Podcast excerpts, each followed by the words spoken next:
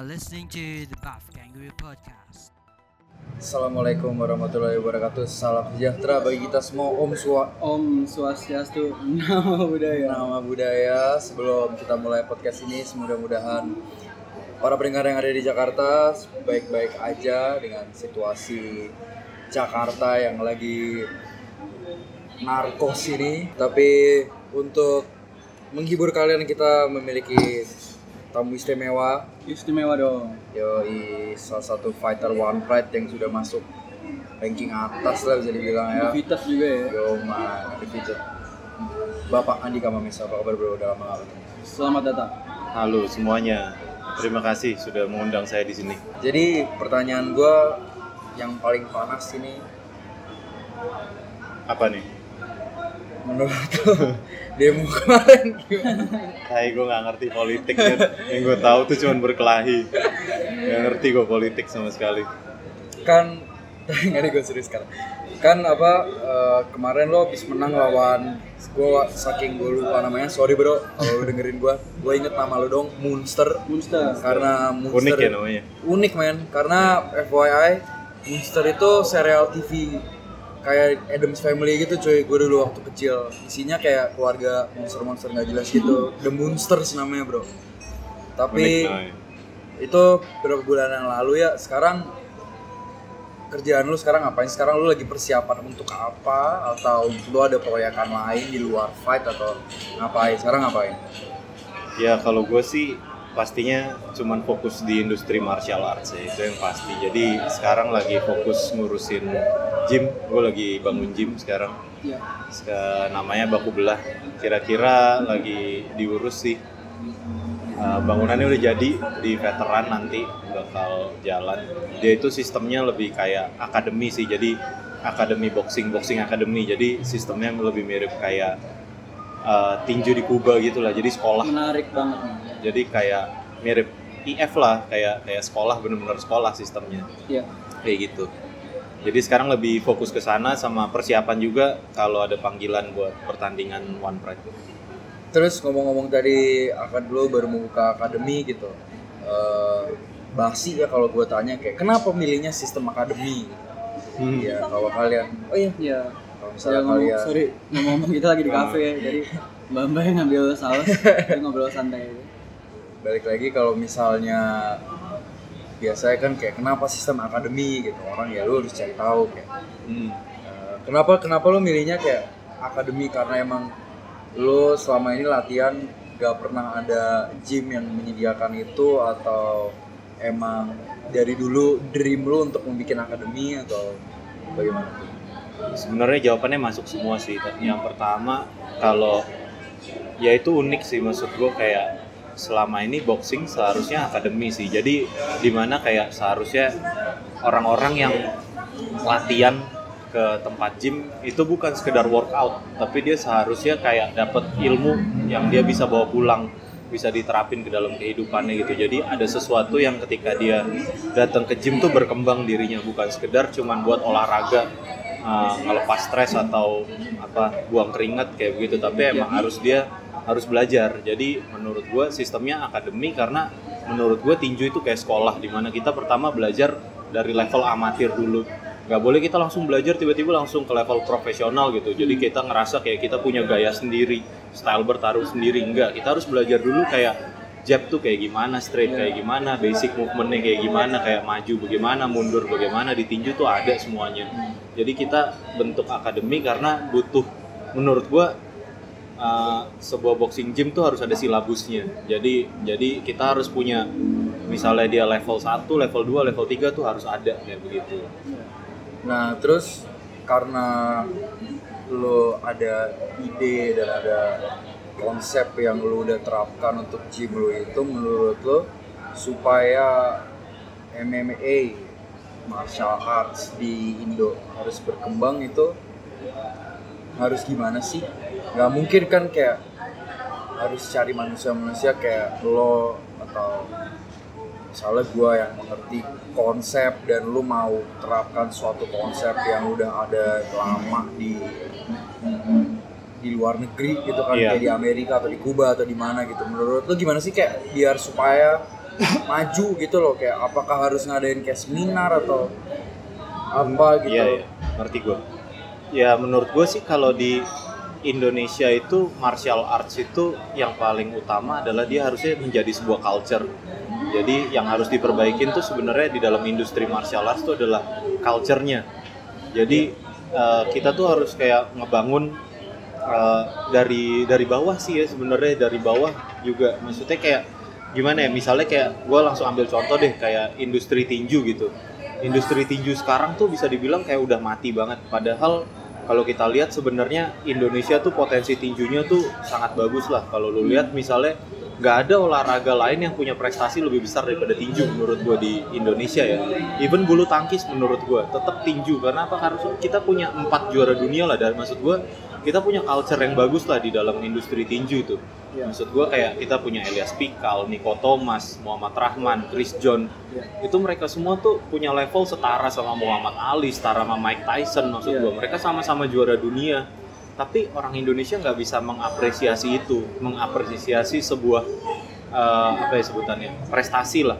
Jadi Indonesia tuh nggak peduli prestasi sebetulnya. Itu yang menurut gua di industri olahraga tuh bener-bener gimana ya harus dirubah lah menurut gua. Even kayak misalnya bulu tangkis, bulu tangkis tuh paling lu menang gitu ya. Si siapa sih? Ginting ya namanya? Iya. Ginting. Ginting itu menang ya udah paling satu dua bulan habis itu hilang begitu aja maksud gua gitu. Kenapa? Karena itu belum menjadi culture. Dan menurut gua culture itu adalah jadi industri martial arts Indonesia tuh seharusnya berhubungan dengan entertainment. Itu kenapa semua tuh selalu bilang sports entertainment Iya. bukan sport doang menurut gua. Harus harus ada entertainmentnya di dalam situ harus ada unsur menghibur orangnya gitu loh. Jadi menurut gua Indonesia tuh ya itu yang selalu gue bilang Indonesia tuh butuh lokal hero lah. Satu orang yang menurut gua jadi ikon industri olahraga ini khususnya martial arts sih. Iya. Tapi kalau menurut menurut kalian nih, gue kayak pernah pikir kayak kenapa sih nggak misalnya kita katakanlah kita bertiga bikin acara tinju nih mau Iya. re- revita- revitala eh, revitalize revitalisasi eh, apa tinju gitu. Karena lu ngomong tadi sports entertainment kayak seharusnya kayak orang-orang yang kayak promotor-promotor itu udah bukan ngurusin masalah sabuk atau apa yang menurut gua kayak bener kayak bagusin lah apa eh, packagingnya produknya maksudnya ya bukannya gua karena gua atlet one gitu tapi one itu berhasil untuk udah udah otw lah masuk ke mau jebol di market Indo gitu. Iya. sebenarnya menurut gue tinggal masukin ada artis papan atas sih untuk kayak jadiin ibarat kayak halftime. Benar. Iya nggak sih? Kayak lo harus masukin acara pelawak lah atau sejelek-jeleknya orang musik lah supaya orang di luar yang suka pukul-pukulan tuh mau masuk ke dunia itu gitu loh. Nggak tahu sih menurut kalian gimana? nih kalau gua gue setuju ya. Itu maksud gua kita ngomong tentang culture. Ketika kita lihat culture kita di industri martial arts tuh kalau kita bisa ngomong culture ya kalau kayak petinju gitu. Petinju selalu orang mindsetnya adalah Ambon. Terus kemudian mindsetnya dari petinju Ambon adalah debt collector atau tukang pukul. Iya. atau jadi tinju kesannya adalah olahraga kelas bawah itu di Iya. culture Indonesia udah seperti itu gitu udah sejelek itu tinju di Indonesia maksud gua dan- Padahal tinju tuh seharusnya olahraga yang keren menurut gua. Kalau kita bisa lihat ya, di dunia tuh cuman ada eh, tiga atlet yang mencapai kekayaannya mencapai billion dollar. Yang pertama Michael Jordan dari basket, terus Tiger Woods dari golf, nah tiga Floyd Mayweather dari tinju. Maksud gua kenapa itu bisa begitu timpang maksud gua sebagai industri olahraga di Amerika sama di Indonesia gitu. Nah itu karena culture-nya menurut gue balik Iya. lagi. Nah di Indonesia karena culture-nya masih terlalu jelek kayak begitu yang gue bilang harus kita sebagai anak muda yang mau ngerubah tuh harusnya bisa ngelakuin namanya cross culture. Jadi bukannya kita kayak mengeksklusifkan diri tapi menurut gue ya mungkin tinju bisa benar digabung sama industri entertainment yang lain. Itu kenapa harus cross culture misalnya sama stand up comedy lah atau misalnya sama apa ya sama ter- coba kita lihat kayak si One FC aja sekarang udah buat One Gaming gitu maksudnya Iya, kayak iya.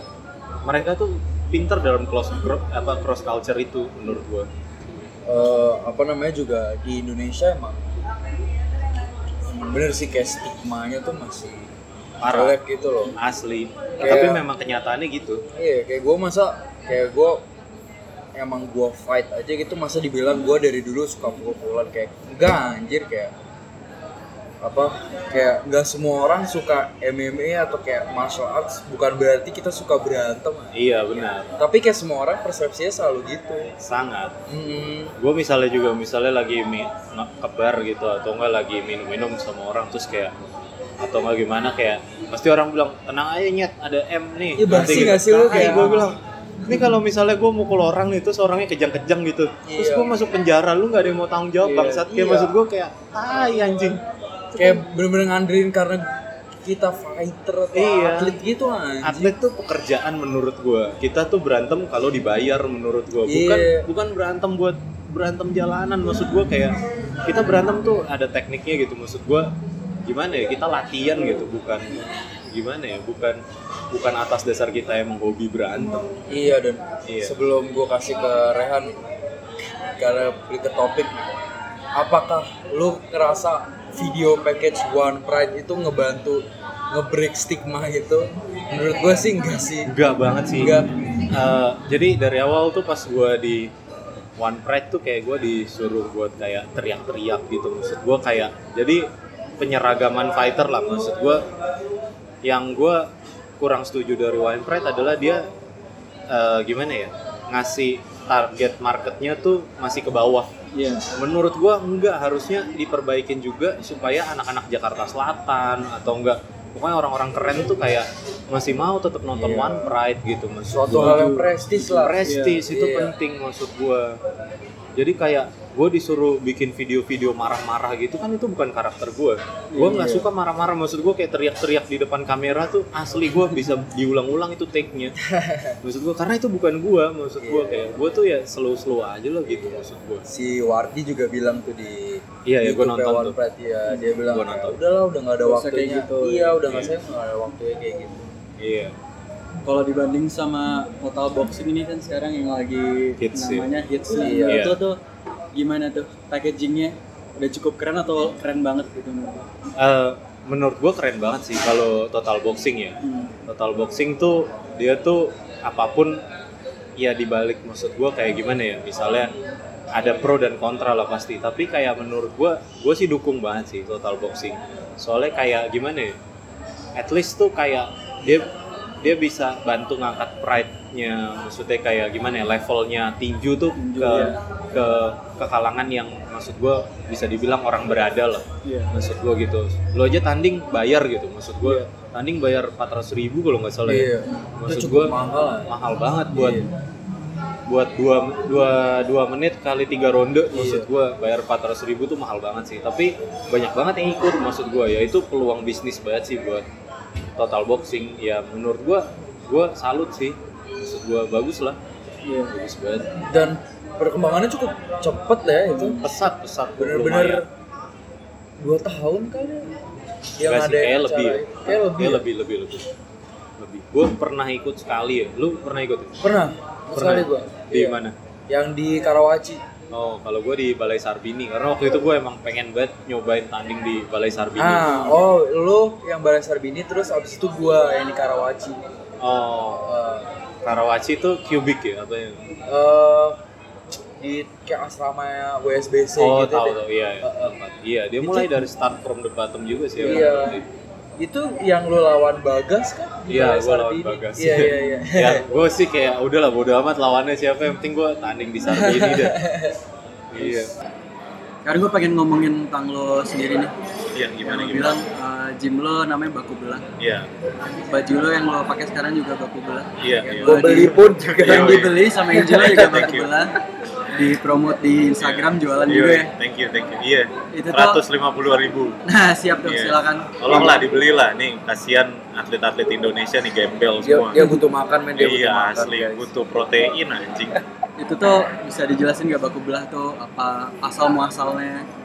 Baku belah sebenarnya konsep sih ya, maksudnya kayak main sorry kok konsep mindset. Jadi kayak menurut gue itu mindset dari seorang petinju sih, di mana kayak eh, itu istilah yang dipakai sama orang-orang timur khususnya mungkin orang Ambon, orang Iya. Manado, mereka tuh kayak kalau berkelahi tuh baku belah aja gitu. Hmm. Maksudnya intinya mereka berkelahi tapi kayak baku belah tuh ada kesan ya gimana ya manly banget, maskulin betul. banget gitu. Betul, betul, iya. kayak gimana ya kayak ibaratnya itu kalau orang-orang Ambon tuh dia sadar nggak sadar tuh apa yang dia omongin tuh sebenarnya manly semua karena Hmm. Iya. keras banget hidup mereka Iya, tuh Asli, sekeras keras Asli. itu Setuju gua. jadi kayak gue tuh kadang-kadang kagum sama mentality seorang Ambon gitu ya di mana dia tuh mungkin secara teknik tuh nggak bagus gitu tapi dia kerja keras banget buat berkelahinya gitu itu jadi kayak gue ngeliat kayak baku belah tuh kayak represent orang-orang timur orang-orang Ambon yang hidupnya tuh keras gitu loh Iya. di mana dia juga manusia biasa yang punya keluarga punya apa ya orang-orang yang butuh dia hidupin kayak gitu tapi yang dia ngerti cuma tinju yang dia ngerti cuma baku belah menurut gue itu Ini juga sebuah hal yang lo pengen bangun brand lo sendiri, baku belah atau apa gimana?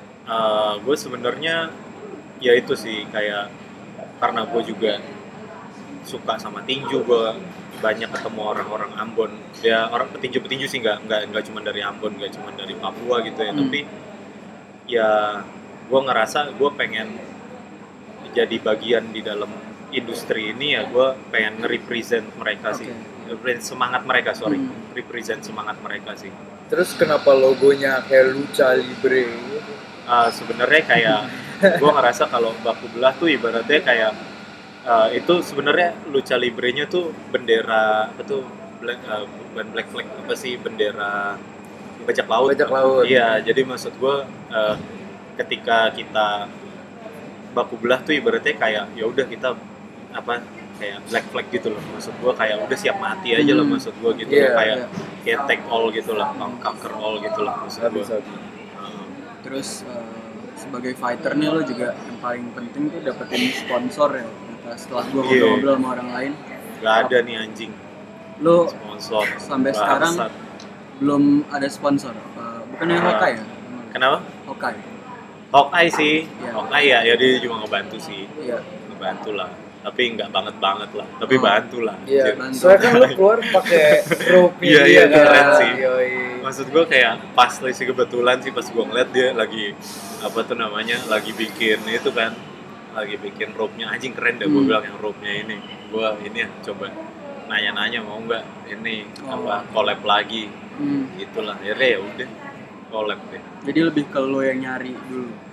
ya gimana ya kayak maksud gue gue sih kalau di industri martial arts itu di Indonesia gue selalu mikirnya kita harus kita yang harus nyari peluang sih Iya. apa pun lah maksud Iya. gue kayak kita yang harus lebih aktif gitu loh maksud gue kayak nggak bisa nunggu-nunggu lagi nih kayak begitu maksud gue kayak gue nggak ngeliat ada perubahan kalau seandainya nunggu dari dari menunggu ya gue jadi kayak apa pun gue pasti proaktif sih di industri martial arts ini sih. Gue ngeliat kayak Hawkeye itu juga gimana ya kalau mau berkembang ya bareng-bareng lah. Maksud gue gue gak mau lah kayak nggak ngerangkul semuanya udah ngerangkul saling rangkul aja lah. Maksud gue gitu.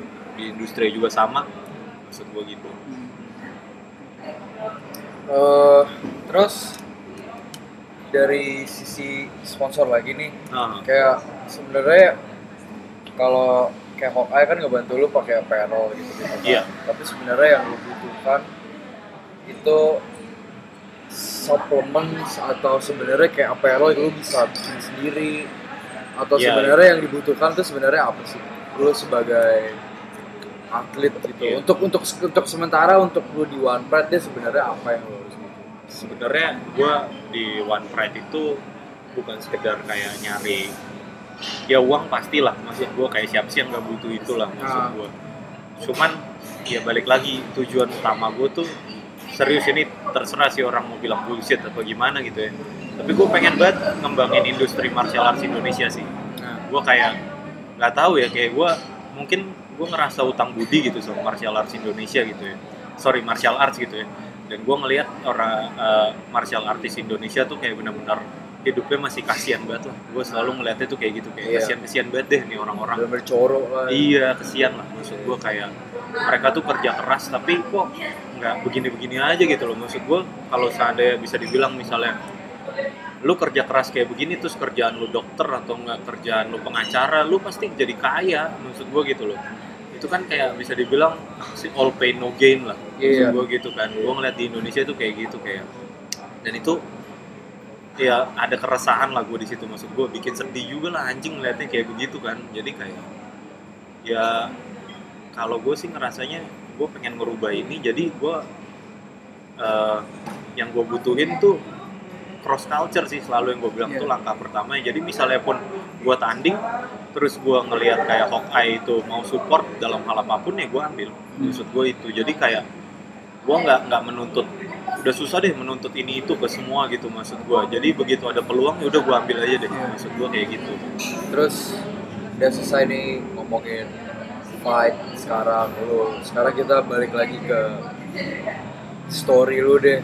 Ya kenapa lu tiba-tiba milih MMA karena em kayak kalau M dari dulu ya kita udah tahu M cuman kita nggak tahu kan kenapa tiba-tiba dia tiba-tiba ikut MMA atau tiba-tiba juga passion sama boxing gitu. Emang iya iya. lu dari dulu emang passionate emang lu dari dulu suka nonton boxing atau gimana? Lu tiba-tiba bisa terjun ke dunia ini tuh gimana? Iya, gue sih dari dulu emang paling ya gimana ya sebetulnya kayak mungkin dari kecil sih ya gue tuh tertariknya sama hal-hal kayak begitu ya. Maksud gue sebagai penonton ya sebagai fans gitu loh. Maksud gue kayak dari kecil tuh gue suka banget sama ya lu tau lah WWE gitu Hmm. terus habis itu pro wrestling even sampai sekarang sih menurut gue tetap pro wrestling lebih bagus dari MMA nomor satu men Iya nomor satu asli. Terus kayak dari situ gue juga keluarga gue waktu itu kayak suka nonton boxing bareng kayak gitu. Iya. Jadi kayak emang udah uh-uh, suka sih. Jadi Iya. fans sebenarnya fans sebetulnya. Terus gue ngeliat kayak di Indonesia tuh gimana ya waktu itu belum ada lah waktu pas pertama gue nyari tuh benar-benar kayak gue tuh pertama mulai itu justru dari bela diri silat terus habis itu gue latihan krav maga. Sempet lamanya tuh di krav maga sih. Waktu itu. Terus habis itu dari situ dari pas belajar krav maga itu gue mulai apa berkecimpung juga di industri BJJ lah.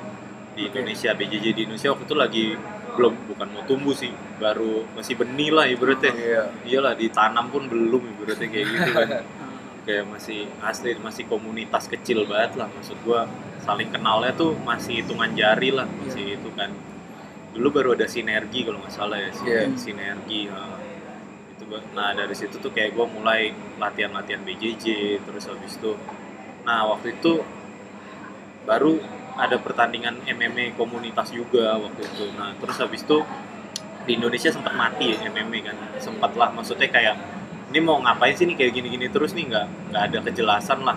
Nah dari situ kayak gue waktu itu udah mulai kerja kerja terus habis itu eh, kerja gue lanjut S2 waktu itu lanjut S2 terus habis itu pas gue selesai lanjut S2 itu gue ngelihat ternyata ada One Pride. Nah pas banget itu waktu itu kayak gue berhenti kerja lulus S2 baru habis itu gue uh, nyoba lah kayak ngasih ngasih jeda di dalam hidup gue kayak sekitar dua tahun gitu buat gue target gue ya mau jadi juara Indonesia lah. Jadi kayak gue butuh ya juara Indonesia itu. Hmm. terus eh, apa namanya?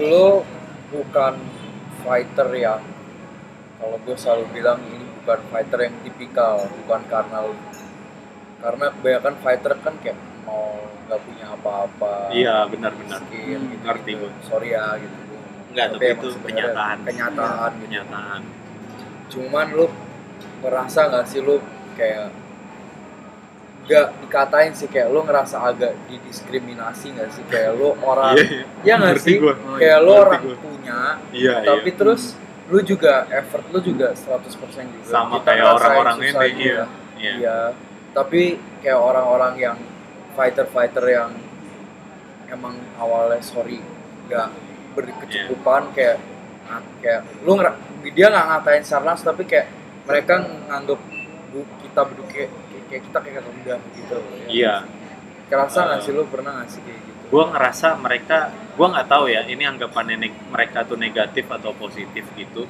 tapi gue gue selalu kayak misalnya even di One Pride gitu ya orang-orang kayak agak ngelihat beda gitu. Gue ngerasa apa ya gue gue bisa bukan sekedar ngerasa ya tapi ya gue ngelihatnya begitu kayak mereka nganggep beda gitu. Gue gue nggak bisa bilang itu positif atau negatif ya mereka ngelakuin. Tapi kayak ya gue tetap ngerasa gue sama kok kayak lu. Maksud gue kayak gue juga tanding di sini gue ngincer juara sama kayak lu. Kita punya cita-cita yang sama gitu. Jadi terserah lu mau lihat gue kayak gimana maksud gue gitu loh. Jadi kayak ya menurut gue kayak gue sebagai fighter mungkin gue datang dari keluarga yang berada gitu ya. Nah, tapi gue ngambil jalan gue sendiri maksud gue kayak maksud gue sebagai fighter gue pun ngerasain kayak nggak punya uang terus habis itu kayak gue ngerasain kayak nggak punya pemasukan sama sekali kayak begitu. Maksud gue gue ngerasain apa yang fighter fighter itu ngerasain juga maksud gue gitu. Cum ya sama sih menurut gue karena menurut gue ya kalau fighter kenapa gue memilih maksud gue kayak nggak sembari kerja gitu ya. Maksud gue emang kalau kita sebagai fighter emang harus gimana ya makin makin kita kelaparan makin kita susah itu yang ngebuat motivasi lebih sih menurut gue setuju ya kan kalau misalnya lu kayak bener-bener kayak anjir nih uh, di rumah orang-orang pada belum makan nih gue duit dari mana nih? Kayak begitu kayak. Hmm. dari situ tuh kayak gimana ya gue semakin terikat sama martial arts ini maksud gue kayak gitu loh. Jadi kayak gue ngerasa susah bareng ya. Ini salah satu jalan hidup gue yang gue tahu tuh cuma martial arts sih berarti kayak gitu kayak gue ngerasain itu juga kok. Jadi gue nggak ngerasa beda dari orang-orang yang bilang dari datang dari nol atau datang dari mana. Gue juga ngerasain yang sama. Jadi kayak pokoknya intinya gue cuman mikir gue harus jadi juara udah titik itu aja sih.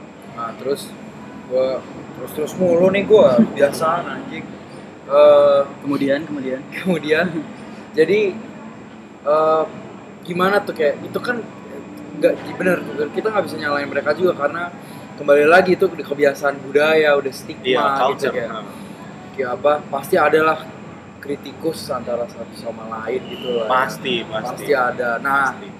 karena gara-gara total boxing terus juga gara-gara sekarang UFC corner segala macam udah mulai naik udah mulai Iya. masuk ke dunia mainstream apalagi Iya, ke iya. anak-anak muda betul udah sering pasti loh apalagi apa ada di gym di Kemang yang suatu tempat orang-orang komersil lah Iya. gitu.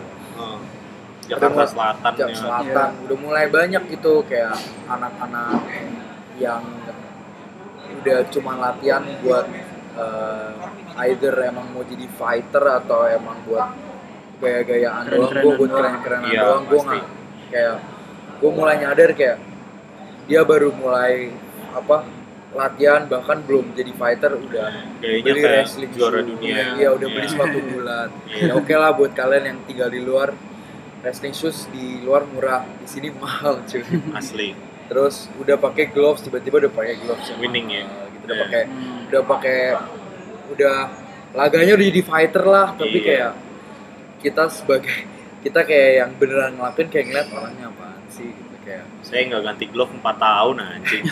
Bangsat emang. gua dulu gak punya groin, gak punya mouth guard, cuma model MMA glove sampai tangan gue sekarang retak mulu kerjaannya anjir. Nah terus itu pesen apa sih yang lu sampaikan ke orang-orang itu? Yang lu sering Nah, iya, lihat iya. gitu. Ngerti sih. Eh, ya kalau sebagai martial art sih kayak gimana ya? Gua ngelihatnya mungkin itu gini ya, itu selalu kayak ketika lu belajar martial arts tuh mirip kayak lu belajar agama gitu. Ketika lu baru belajar nih, lu pasti rasanya paling bener. Itu tuh udah pasti deh. Maksud gue kayak misalnya lu belajar agama gitu ya. Baru kayak misalnya lu belajar puasa gitu. Lu pasti nyuruh-nyuruh orang puasa. Ibaratnya tuh kayak gitu ngerti sama kayak martial arts gitu misalnya lu baru belajar ilmu ini sedikit gitu wah lu pasti sotonya minta ampun maksud gue gitu kayak lu lu butuh sepatu lah lu butuh glove yang bagus lah lu butuh apa lu pengen ngajarin temen lu tiba-tiba kayak begitu itu pasti maksud gue gitu itu kenapa menurut gue bukan salah dari member-membernya yang salah menurut gue malah pelatih dan gymnya menurut gue itu itu kenapa gue buat akademi? Karena menurut gue ketika kita di akademi kita tuh nggak diajarin buat sombong maksud gue gitu loh. Kita diajarin kayak ilmu-ilmu yang lebihin dari teknik yaitu kayak kerendahan hati terus apa sih hustle atau enggak kayak respect kayak begitulah hal-hal kayak begitu yang nggak ditanemin sama gym-gym ini menurut gue kayak gimana ya nilai-nilai martial arts tuh udah dilupain semuanya gitu loh. Orang Jadi- lihat estetiknya aja Iya, lah. orang ngelihat ya martial arts buat pukul-pukulan, buat keren-kerenan gitu maksud gua itu jauh dari itu maksud gua. Martial arts tuh bener-bener bisa diterapin di dalam kehidupan kok. Nilai-nilainya menurut gua ya. Di mana lu kayak ibaratnya gimana ya? Kayak kalau lu pernah nonton iklannya salah satu yang paling keren sih gue pernah lihat tuh iklannya Everlast. Everlast tuh yang kayak jadi uh, ada dua orang kakak beradik gitulah. Gue langsung ke poin terakhirnya jadi kayak mereka tuh latihan tinju. Terus tiba-tiba uh, suatu hari mereka kayak dipalak di jalan gitu sama anak kecil gitulah. Hmm. dipalak pakai pisau gitu. Terus habis itu kayak uh, kakaknya ini kan udah mulai jago tinju gitu. Terus dia tiba-tiba malah ngeluarin duitnya gitu loh. Ya dia ngeluarin duitnya terus uh, sama tukang palaknya itu diambil terus tukang palaknya kabur. Terus adiknya nanya lah lu kan bisa ngalahin dia. Terus tiba-tiba kakaknya tuh cuman bilang anak itu perlu duit katanya gitu. Jadi gimana ya dia bisa dengan bijak mempergunakan martial arts-nya itu Iya. maksud gue gitu loh jadi martial arts tuh ngajarin banyak banget il apa ya uh, prinsip hidup Prinsip yang hidup. iya nah itu tuh nggak diajarin sama pelatih pelatih sama gym-gym ini Iya. gitu loh itu kayak itu yang ngebuat mereka jadi sombong jadi kayak Iya. tai semuanya Iya. jembut semuanya anjing tai maksud gue kayak ya gitu tapi bukan salah mereka sih menurut gue bukan dan Iya. kayaknya menurut gua yang mulai hilang yang udah sekarang orang sekarang ngincer duitnya di doang sih kayak iya Justru- sangat. justru dasarnya kan itu sih. Gua sangat. untungnya gitu lu pasti punya role model yang eh, yang ngajarin lu untuk gitu. Iya. Gue juga pasti ada. Benar. Cuman tapi ya sebenarnya yang dibutuhkan sebenarnya intinya itu sih ada humility-nya ada rasa respect ada rasa humble-nya itu. Bukan masalah teknik masalah fisik mah itu otw lo Iya. Keren, latihan juga pasti dapat. Masalah kayak glove sepatu gitu juga yalah kalau sejelek-jeleknya balik lagi nih gue selalu bilang kalau di podcast ini sejelek-jeleknya lo kena apes pasti ada happy-nya iya ya nggak sih pasti pasti Iya. nggak ada yang 100% tuh kita sulit banget gitu maksud gua kayak Iya. pasti ada lah maksud gua kayak ya gimana ya jadi bingung gua anjing mau ngomong bingung gua Roda berputar. udah Iya. berputar sebenarnya sacrifice-nya itu sih pengorbanan diri lo Iya, yang betul. menjadi apa ibaratnya pilar di martial arts-nya itu sih lu bisa ngorbanin diri lu buat suatu hal yang lebih lah ibaratnya iya lu di martial arts tuh sangat mengajarkan kayak gimana ya Eh, kalau gua lagi suka kayak baca tuh kayak filosofi namanya stoicism gitu loh di mana kayak ibaratnya Nah, martial arts tuh sangat ngajarin namanya passion. Passion tuh ibaratnya kayak diambil dari bahasa Latin tuh kan dari patio kan. Patio tuh diambil dari rasa sakit. Jadi kayak lu merasakan sakit yang kayak lu punya tujuan. Jadi kayak gimana ya? Kita tuh semua ngerasain sakit lah maksud gue di dunia inilah kita hidup apa pun pekerjaannya gitu. Tapi eh, karena kita cinta sama rasa eh maksudnya sama sama tujuan, Tujuan kita kita. sama pekerjaan kita itu jadi kita nggak masalah ngerasain sakit kayak Iya. begitu ibaratnya kayak gitulah martial arts tuh sangat ngajarin itu menurut gue dan satu lagi menurut gue kayak martial arts tuh hal yang paling literal di dunia lah ibaratnya. Gue ngelihat kayak misalnya pelatih gue Noldi gitu ya. Dia bilang gitu ke eh misalnya kayak bokap gue deh. Bokap gue misalnya bilang ke gue "Eh, Andika kamu tuh papa nih udah banting tulang peras keringat. Itu kan metafor ya maksud gue gitu. Coba kayak Noldi gitu pelatih gue gitu petinju dia cerita ke anaknya eh Ale eh Ale ini beta su banting banting tulang peras keringat dan dia literally ngelakuin itu. Maksud gue gitu loh jadi kayak Bener-bener dia habis latihan bener-bener copot baju peras bajunya itu peras keringet kan maksud gue gitu loh. Kayak misalnya dia jatuh dia banting tulang maksud gue gitu. Iya. jadi menurut gue kayak itu seharusnya gimana ya martial art tuh bisa menjadi sebuah gimana ya? Ya kalau lu lihat deh misalnya kayak influencer zaman sekarang gitu sorry nih kayak gue sebut kayak misalnya siapa ya influencer ya Okarin ya Karin, Raffi Ahmad, berak apa? Maksud gue gitu kayak Raffi Ahmad. dia ngajarin apa Nyet? Dia ngajarin mobilnya gitu maksud gue Iya. kayak mewah, kemewahan maksud gue gitu kayak martial arts tuh ngajarin semua kerja keras ya. Maksud gue apa pun lu lu mau mau gimana ya? Mau pokoknya intinya lu harus kerja keras ya di martial arts. Maksud gue nggak bisa enggak nggak bisa enggak maksud gue gitu loh. Banting tulang banget lah maksud gue gitu. Itu paling literal. Itu kenapa kayak kalau lu nonton kayak film-film kayak Rocky gitu-gitu itu kayak film-film motivator paling bagus lah maksud gue gitu. Iya. karena emang martial arts tuh paling literal lah gitu maksud gue jadi menurut gue influencer-influencer Indonesia tuh seharusnya berasal dari olahraga bela diri menurut gue bukan berasal dari entertainment yang cuman ngandalin ngasih tunjuk kekayaan-kekayaan Iya, iya, gitu maksud gue kan dia harusnya mungkin kekayaan gitu ya tapi lo harusnya kayak ngasih tunjuk nggak nggak semua tuh instan. Jadi lo semua pasti bisa kalau kerja keras kayak begitu loh. Ada nilai-nilai kayak gitu yang nggak dikasih tunjuk sama influencer-influencer berak zaman sekarang ini nih. Iya sayang tuh Chris John kayak gitu tuh Iya. kayak gimana ya nggak bisa gitu loh maksud gue gue idola banget sama Chris John ya tapi dia tuh nggak bisa nge market anak muda millennials Iya, gitu loh iya. Betul. sayang banget asli dan sebenarnya untuk gue lo fighter-fighter lain entah di mana promosi mana pun itu udah sekarang udah harus jadi menurut gue udah jadi tugas kita untuk ngepromo bela diri kalian semua itu sebagai suatu hal yang positif yang bisa mengubah satu orang aja nggak Iya. usah ngomong nggak usah ngomong ribuan nggak usah ngomong seratus. Seratus lu bisa ngubah satu orang aja itu lu udah bermakna gitu loh at least.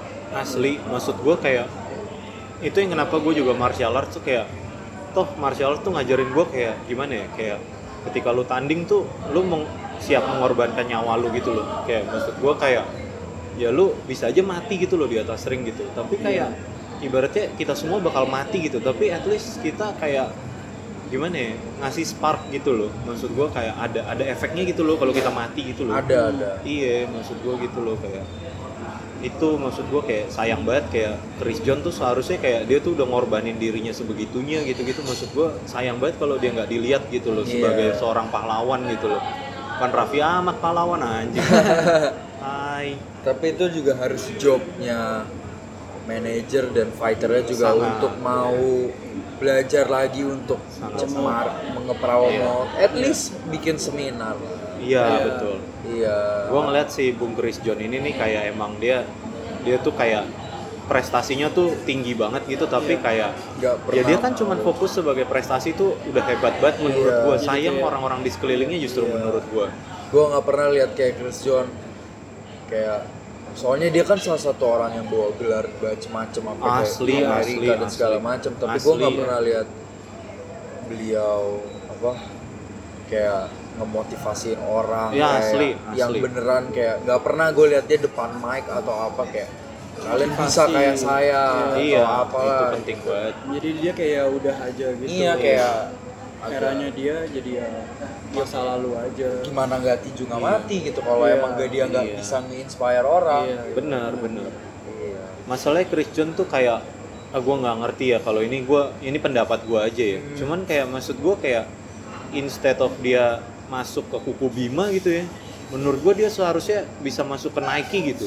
Bisa. Aparel Chris John gue pasti beli sih sumpah. Kalau misalnya Nike gitu ada gambar Chris John asli gue belinya mau tiga ratus ribu gue beli asli. Iya, Gak, gak usah gitu. gak usah ngomong dia masuk Nike brand gede deh, masuk di Indonesia. Asli maksud gue kayak dia kelas dunia gitu. Masa Nike kagak mau Nike Indonesia ya Bambang Pamungkas masuk soalnya. Iya iya maksud gue gitu loh kayak seorang Bambang Pamungkas tuh sorry nih ya gue nggak diskredit bola atau olahraga lain ya. Tapi jujur sepak bola tuh di Asia Tenggara aja terseok-seok. Prestasinya nggak ada. Asli maksud gue Beneran ngapain? ngapain lu tuh ngapain di Asia Tenggara tuh nggak ada. Coba lu lihat Chris John. Chris John tuh kalau lu pada tahu ada orang namanya Prince Nasem Ahmed gitu ya semua tahu lah kalau tahu tinju tuh pasti tahu lah Prince Nasem Ahmed gitu itu kan sabuknya sama sama Chris John Sama. maksud gue sabuk yang pernah dipakai sama Prince Nasem Ahmed sama kayak sabuk yang dipakai Chris John Iya. dan Chris John tuh udah bawa lagu Indonesia Raya ke Las Vegas Hmm. gue waktu itu inget banget ya waktu itu Chris John tanding di Las Vegas itu barengan sama eh, siapa? David Beckham datang ke Indonesia sama LA Galaxy waktu Ah. itu. Iya. itu trending topiknya David Beckham kan anjing maksud Iya. gue Chris John nih lagi dibawa lagu Indonesia Raya nih di Las Vegas. Anjing malah David Beckham tai maksud gue itu kan maksud gue Chris John tuh seharusnya bener-bener dapat spot jadi Iya. di brand-brand besar kayak Nike. Ya maksudnya brand olahraga besar lah harusnya dia masuk maksud gue gitu. Hebat dia tuh gue sumpah gue idola banget kalau sama Chris John sayang orang Indonesia bukan ya gue nggak nyalain orang Indonesia sih tapi kayak sayang banget bahwa orang Indonesia nggak bisa mengapresiasi Chris John Betul. sampai segitunya Iya. Masih lebih Asli. mengutamakan marketnya dibanding Asli. hormati dan sebenarnya kalau dipikir-pikir ya bola bisa segede itu ya karena emang orang gampang ngerti bola aja Nah itu yang gue juga aneh ya. Maksud gue sepak bola nih ya, gue cewek gue selalu nanya offside tuh apa? Nah, Anjir, maksud gue sepak bola tuh susahnya. Di mana kayak orang Susah, tuh nanggep susah. kayak 11 lawan 11 ngerebutin satu bola dibawa ke Iya. gawang gitu. Gue nggak diskredit sepak bola ya sekali enggak. lagi. Menurut gue sepak bola kita harus belajar buat ngerti. Tapi kalau tinju ya itu tuh baku hantam aja lah. Maksud Iya. gue kayak Pukul-pukulan itu tuh entertainment yang paling raw, paling paling dasar lah di mana Iya. orang tuh siapa sih yang nggak ngerti pukul-pukulan kalau kata Dana White kayak ya kan apa sih fight fight is in our DNA. hmm. We get it and we like it kayak Iya. gitu. Kita Es- emang dilahirkan emang buat fight gitu maksud gua. Iya, Esin kalau bola kan maksudnya gue tadi bilang gampang kan ya Iya, menurut gue emang udah dari dulu Iya, udah benar. nilai dalam darah daging orang gitu loh Benar. di Indonesia kayak Benar.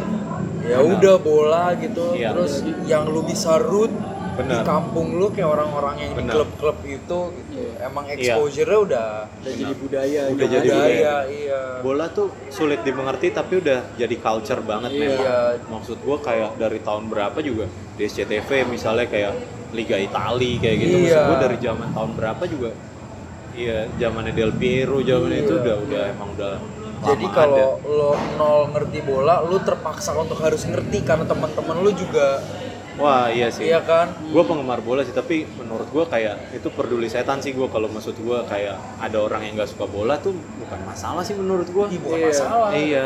bukan masalah Karena gue juga suka ngobrol kayak tinju-tinju gitu nggak semua orang ngerti Iya. gitu. Ya mereka taunya Conor McGregor lah. iya, Iya. selesai di situ aja udah Iya di situ aja. ntar giliran ngomongin apa El Clasico langsung panjang Iya. bukan ya ini udah mau eh, habis Hmm. udah mau 45 menit terakhir sekarang lo tadi bilang katanya lo kuliah lo alma mater mana tadi ITB gue. Lu ITB. S2 ya. S S1 S2 Ah, deh S, S1 BINUS, S2 ITB.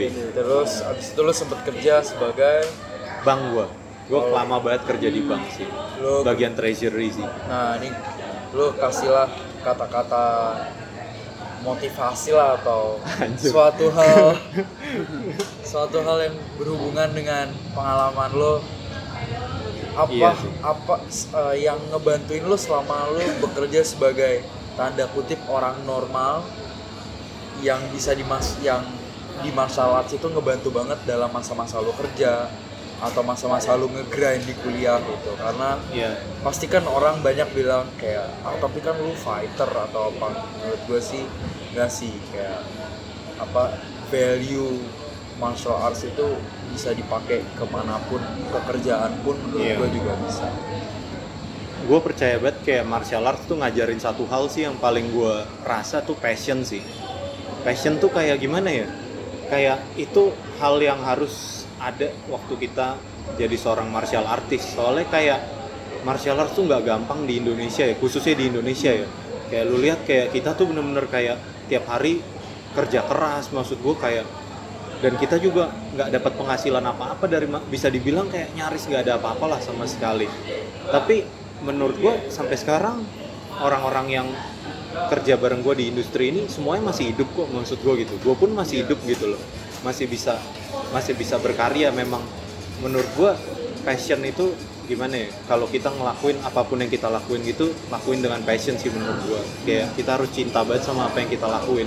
Maksud gue gitu apa pun semua tuh pasti sama sulitnya lah maksud gue gitu. Pasti sulit jadi martial arts tuh ngajarin banget tentang passion sih. Jadi rasa sakit yang kita ah, rasain tuh bakal ketutup sama rasa cinta sama kerjaan kita sih. Iya. jadi apa pun lakuin ya gimana ya? Jangan banyak ngeluh sih menurut gua jangan jangan gimana ya? Jangan diem sih menurut gua apa pun yang lu mau lu kerjain tuh ya lu kerja lah maksud gua. Apa pun nggak nggak ada bedanya menurut gua lu kerja di kantoran sama lu numpuk batu atau enggak lu kayak apa di restoran atau enggak kayak apa pun menurut gua yang penting kerja sih. Jangan kayak gitulah setuju setuju. Ada pertanyaan untuk Mas M dari lu men jadi gue terakhir kayak untuk tentang gym lu nantinya gitu iya. Iya kan tadi kita ngomongin kayak total boxing gimana pengaruhnya kayak ke orang-orang jaksel yang jadi bergaya mereka jelasnya inilah itulah gitu kan. Iya iya.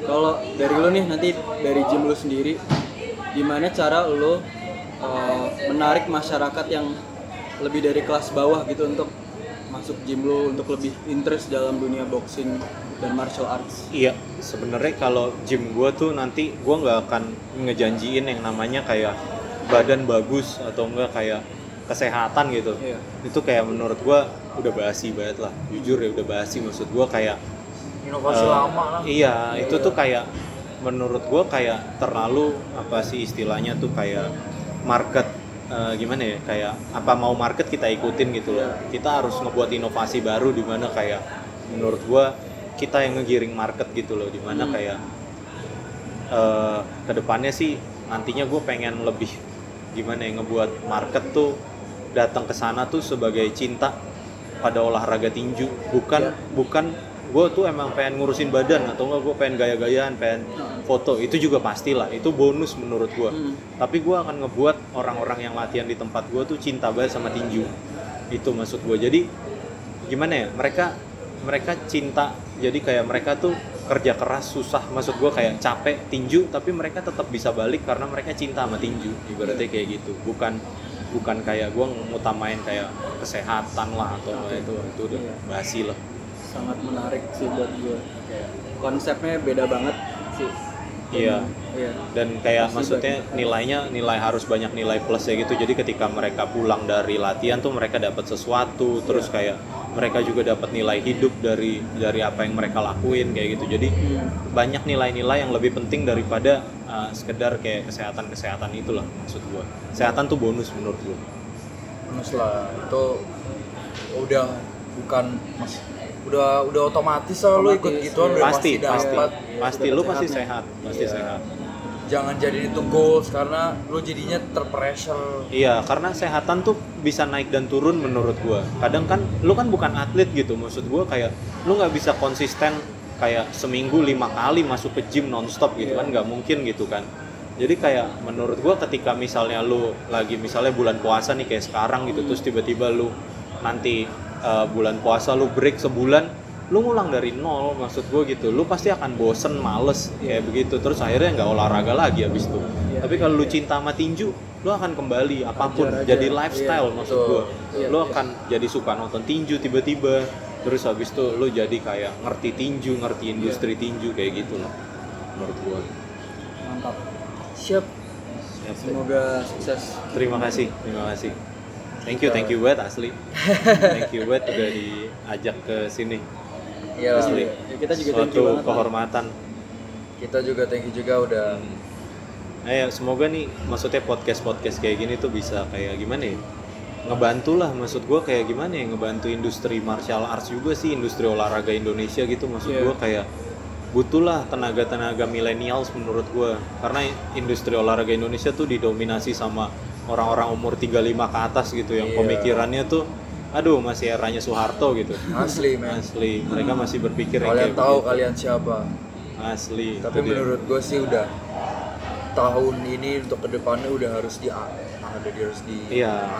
sama regenerasi milenial. lah. Iya, butuh regenerasi butuh regenerasi kita. Iya. kayak gimana ya? Masalahnya masanya di kita aja. Iya benar. Makanya kita tolonglah gitu. Iya kalau bantu bantu kalau lu lihat kayak itu si siapa tuh namanya kayak orang-orang umur 35 tuh udah nggak butuh motivasi lagi lah. Yang butuh motivasi tuh anak-anak umur 21 19 yang nggak punya arah hidup Iya, gitu loh. iya. Iya mereka masih butuh arah hidup gitu loh maksud gua. Kalau udah 35 mah udah tinggal tunggu tiwas. Tunggu tiwas cuma duit aja ya udah oke thank you banget Thank you sekali semuanya, lagi. thank you. Eh, follow kita di buffkangaroo.pod untuk Instagram dan YouTube kita apa namanya Buff Yang Group Podcast ya YouTube dan bulan depan nih announcement kita akan pindah ke Anchor ya rencananya ya. Jadi mungkin akan nggak ada di Podbean lagi tapi tetap di Spotify. Jadi pantengin aja Spotify-nya sih ya. Spotify Buff Kangaroo Podcast. Dan di Anchor itu lebih banyak optionnya kita bisa rilis di Google Podcast, Apple Podcast segala macam. Eh, Bapak Andika Mamesa, Instagramnya apa? sama at Andika Mamesa Boleh nggak di- pakai at sih kayak, kayak Instagram nggak pakai at ya Iya. Andika Mamesa aja Andika, Andika Mamesa, Mamesa.